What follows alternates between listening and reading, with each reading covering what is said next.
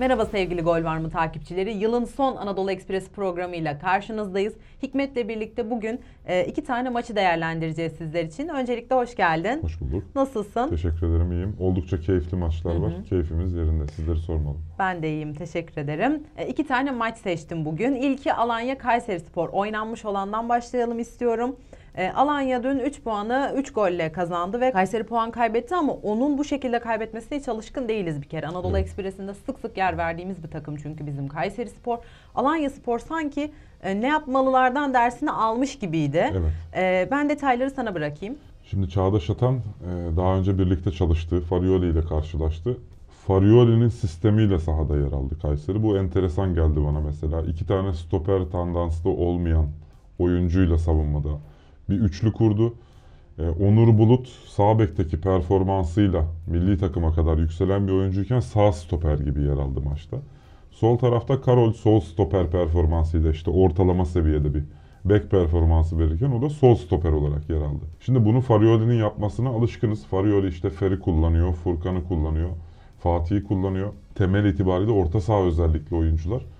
Kayseri Spor aynısıyla yani aynadaki iz düşümü gibi sahaya çıktı ve kendi oynamak istediği futbolun dışında bir şeyle muhatap oldu Çağdaş Atan. Yapmak istediklerinin neler olduğunu bilmiyorum ama ön alan baskısında mesela evet kurgusal anlamda çok başarılıydı ve ben ciddi anlamda keyif aldım bu maçtan.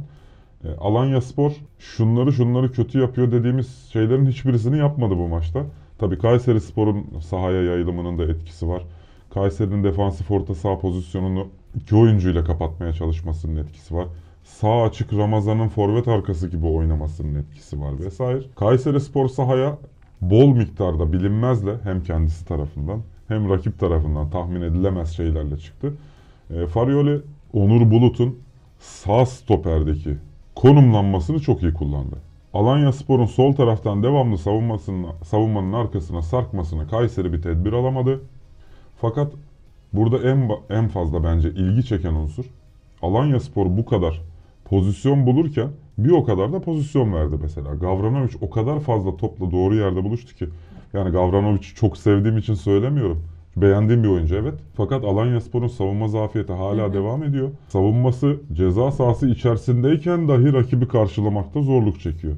3-1'lik skoru aldatmasın. İşte o penaltı kırılma noktası oldu birazcık. Penaltıda Bilal bir adım öne çıkmasaydı o maçın sonuna doğru skor başka bir tarafa evrilebilirdi. Kayseri'nin kötü saha paylaşımına rağmen. Alanya Spor açısından başarılı bir sınav oldu. Fakat e, Kayseri olağan performansıyla, olağan dizilişiyle Alanya Spor'un karşısında yer alsaydı bu kadar net bir galibiyet alabilir miydi Alanya Spor? Burada birazcık soru işaretleri mevcut. Ben Kayseri'nin ilerleyen süreçte işte böyle ufak tefek tökezlemelere ve takılmalara maruz kalmasını da göz önünde bulunduruyorum ama Kayseri'nin bu sezon bence performansının son birkaç senedeki pik noktasına çıkacağını düşünüyorum.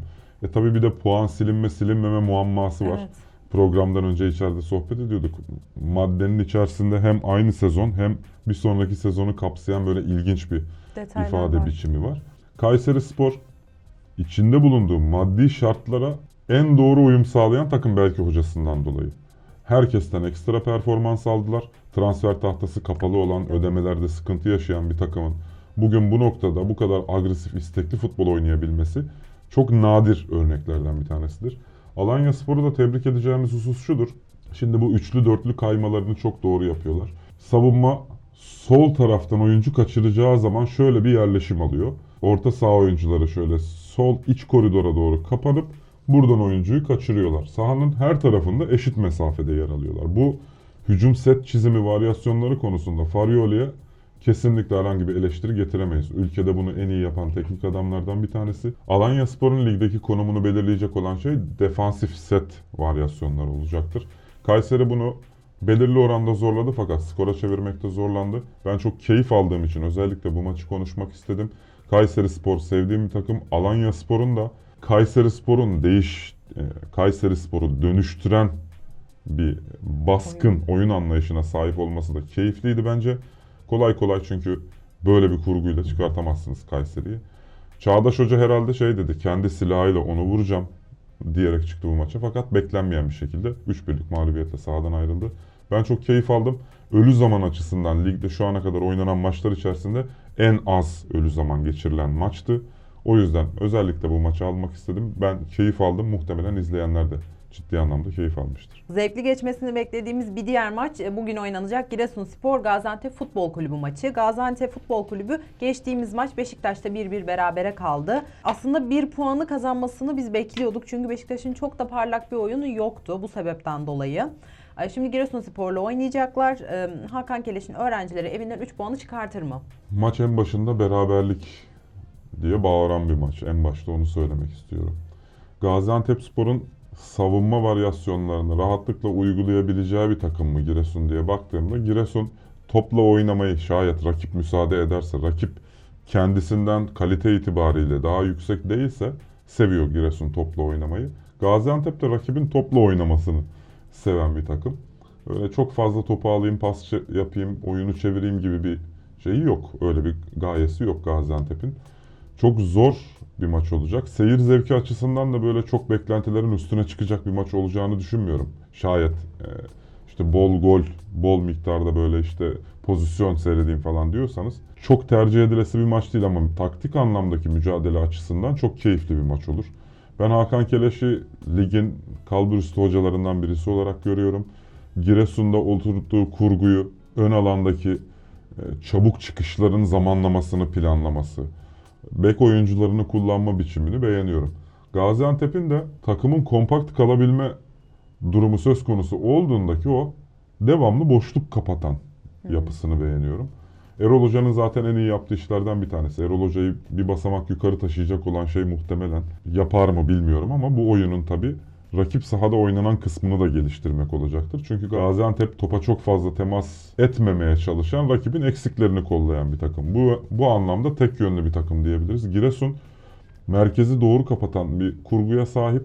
Hemen hemen bütün takımları merkezden atak yapma konusunda zorluyorlar. Fenerbahçe bu konuda sıkıntı yaşadı. Galatasaray bu konuda sıkıntı yaşadı. E, Başakşehir bu konuda sıkıntı yaşadı. Giresun'un kenarlara açıldığında, takımın eni uzatıldığında sıkıntı yaşadığını görüyoruz. Gaziantep Futbol Kulübü bunu yapar mı? Sagal muhtemelen ilk 11'de başlayacaktır diye düşünüyorum. Çünkü onu da oynatmazsa artık oyunu kenarlara taşıyacak oyuncusu kalmayacak Gaziantep'in. Ben beraberliğe yakın ama Giresun'un avantajlı olacağı bir maç bekliyorum.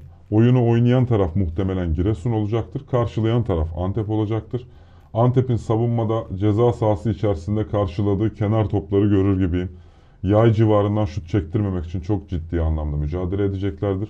Giresun'da Savicevic şayet bir problemi yoksa ilk 11'de başlar diye düşünüyorum. Sol tarafta Sainz mutlaka oynar. Sainz ligin kalburüstü kanat oyuncularından bir tanesi. Hatta kanat bek gibi de oynayabilecek oyuncularından bir tanesi. Bayiç Türkiye'de hangi tip santrforlar genelde iş yapar sorusunun cevabı olarak sahada yer alıyor her maçta. İşte süratli mi? Hayır. Ağır bir oyuncu. Fakat etrafından gelen oyunculara zaman yaratması, stoperleri bloke etmesi, oyunun akış yönünü belirlemesi açısından çok kıymetli. Giresun'un da onu doğru kullandığını düşünüyorum. Bayiç üzerinden Borja Sainz'ın bol bol varyasyonlar yaratacağı, Savicevic'in şut imkanı bulacağı bir maç bekliyorum. Bu maçla ilgili görüşlerini aldım ama çok ufak bir şey sormak istiyorum sana. E, Ligimizde e, aslında senle bunu daha öncesinde konuşmuştuk. Sürpriz denilmeyecek sonuçlarla karşılaşıyoruz. İşte Ümraniye Spor'un 3 puan alması peşinden İstanbul Spor'un da 3 puan alması. Hani bunlar kümedeki takımların e, yaptıkları şeyler. Ya şunu çıkartabilir miyiz? Ligde aslında oynamaların çok kolay olabileceğini ve Anadolu takımlarının da e, diğer takımların da kopmaları birazcık daha geç yaşadığını çıkarabilir miyiz bundan? Çünkü 16. haftaya oynuyoruz şu anda ve hala net bir şekilde hani e, tahminde bulunamıyoruz. Bulunduğumuz takım 3 puan alıyor. Evet. Bu sene şimdi ligde şöyle bir farklılık var. Takımların bazıları çok ciddi yatırımlar yaptılar. Bazıları da teknik direktörlerinin arkasında durup onların e, amaç ve felsefelerine uygun hamleler yapmaya çalıştılar diyelim en azından. Ümraniye Spor'u mümkün oldukça yerinde takip etmeye çalışıyorum. Şimdi Ümraniye'den bahsetmişken oraya ufak bir geçiş yapayım. Ümraniye Spor'un maçlarını mümkün oldukça yerinde takip etmeye çalışıyorum. Recep Hoca ile iletişim kurduktan sonra, o etkileşim oluştuktan sonra şeyi görüyorsunuz. Net olarak futbolu iyi bilen bir teknik direktör. Şimdi saha kenarında istediklerini şayet oyuncular doğru şekilde sahaya yansıtabilselerdi Ümraniye bugünkü pozisyonunda olmazlardı. Şimdi şunu söyleyebilirim. Ümraniye Spor'daki mesele teknik problem değil. Takımların puanlarının birbirine çok yakın olmasının sebeplerinden bir tanesi Takımda taktik varyasyona değer verip hocalarının arkasında duran yönetimler de var artık. Eskisi kadar hoca değirmenine dönüşmedi. Şimdiye kadar olan süreçte Süper Lig. Şimdi Hakan Hoca'nın arkasında duruldu. Geçen sene felaket durumdaydı Giresun mesela. O dönemde arkasında duruldu. Bu dönemde Giresun'un oynadığı ve oynatmadığı oyunlardan söz edebiliyoruz. Hakan Keleş üzerinden. İşte Avrupa çapında bir futbol mu oynuyor? Hayır ama bu ligin başka dinamikleri var ve bunu doğru şekilde ilerletiyorlar. Kayseri Spor aynı şekilde. Takımların takım özellikleri itibariyle doğru kimyada, doğru kişilerle buluştuklarında bu ligde fark yaratabileceklerini bu sene net olarak gördük. Şimdi büyük kulüplerin yatırdıkları paraların karşısında küçük kulüplerin hocalarının arkasında durup onların isteklerine göre hamleler yapmalarının ligde ne kadar fark yarattığını gördük. Bugün sene başındaki duruma bakalım. Düşme adayları insanların kimlerdi? Ümraniye'ydi. İstanbul Spor'du. Bunlar net adaylardı. Diğer takımlar kendi aralarında mücadele eder diye düşünüyorduk. Ümraniye Spor çıkıp enteresan bir maçtan 3 puan çıkartabiliyor. İstanbul, İstanbul Spor, Spor. çıkıp demir leblebi olup büyük takımlara zorluk çıkartabiliyor. Galatasaray'ı 20 dakika kendi sahasına hapsedebiliyor. Şimdi bu birazcık aradaki makas farkının azalmasından kaynaklanıyor. Tabii ekonomik durumdan bahsetmiyorum. Teknik, taktik, strateji anlamında. Doğru yabancı oyuncular getirdiğiniz zaman şayet belirli bir kalibrenin üstünde bir kriter koyduysanız kendinize işte 14 yabancınız olabilir. 14 yabancı alabilirsiniz ama kriterlerinizi kendiniz belirlemeniz lazım. Şimdi orta sahada 10 üzerinden 5'lik bir adamı yabancı olarak tercih etmeye gerek yok bu noktada. Ona yatırım yapmaya da gerek yok. Anadolu takımları yabancı transfer açısından futbolcu değirmeni olmayan kulüplerden bahsediyorum. Doğru şekilde ilerliyorlar ve bu sene son e, 4-5 sene içerisinde ilk 3 sıranın altındaki takımlar açısından değerlendirdiğimde en keyifli senelerden bir tanesi bence. Kesinlikle çünkü artık gelen yabancı oyuncular da Türkiye'yi tatil yeri gibi görmekten ziyade buradan e, parlayıp başka liglere e, Avrupa'ya gidebilecekleri bilincindeler artık. Çünkü e, bir takım örnekleri de var ligimizde bunun. Bundan dolayı bunu da sana sormak istedim. Görüşlerin için teşekkür ederim. Ligimiz eskiden Avrupa'nın Katar'ıydı. Şimdi e, Arap Yarımadası ülkesi gibi değil de daha çok tekrar Avrupa'daki o sıralamaya, o klasmana girmeye çalışan yatırım potansiyeli taşıyan bir lig pozisyonunda. Evet ligimizde bariz çok fazla problem var, yönetsel hatalar vesaireler var fakat bunu da yatsımamamız lazım. Türk kulüpleri Avrupa'da doğru stratejiyle yer aldıklarında Avrupa'nın bütün favori olarak gördüğü takımlara çok ciddi şoklar yaşatabiliyorlar. Örnek olarak Trabzonspor Monaco maçı.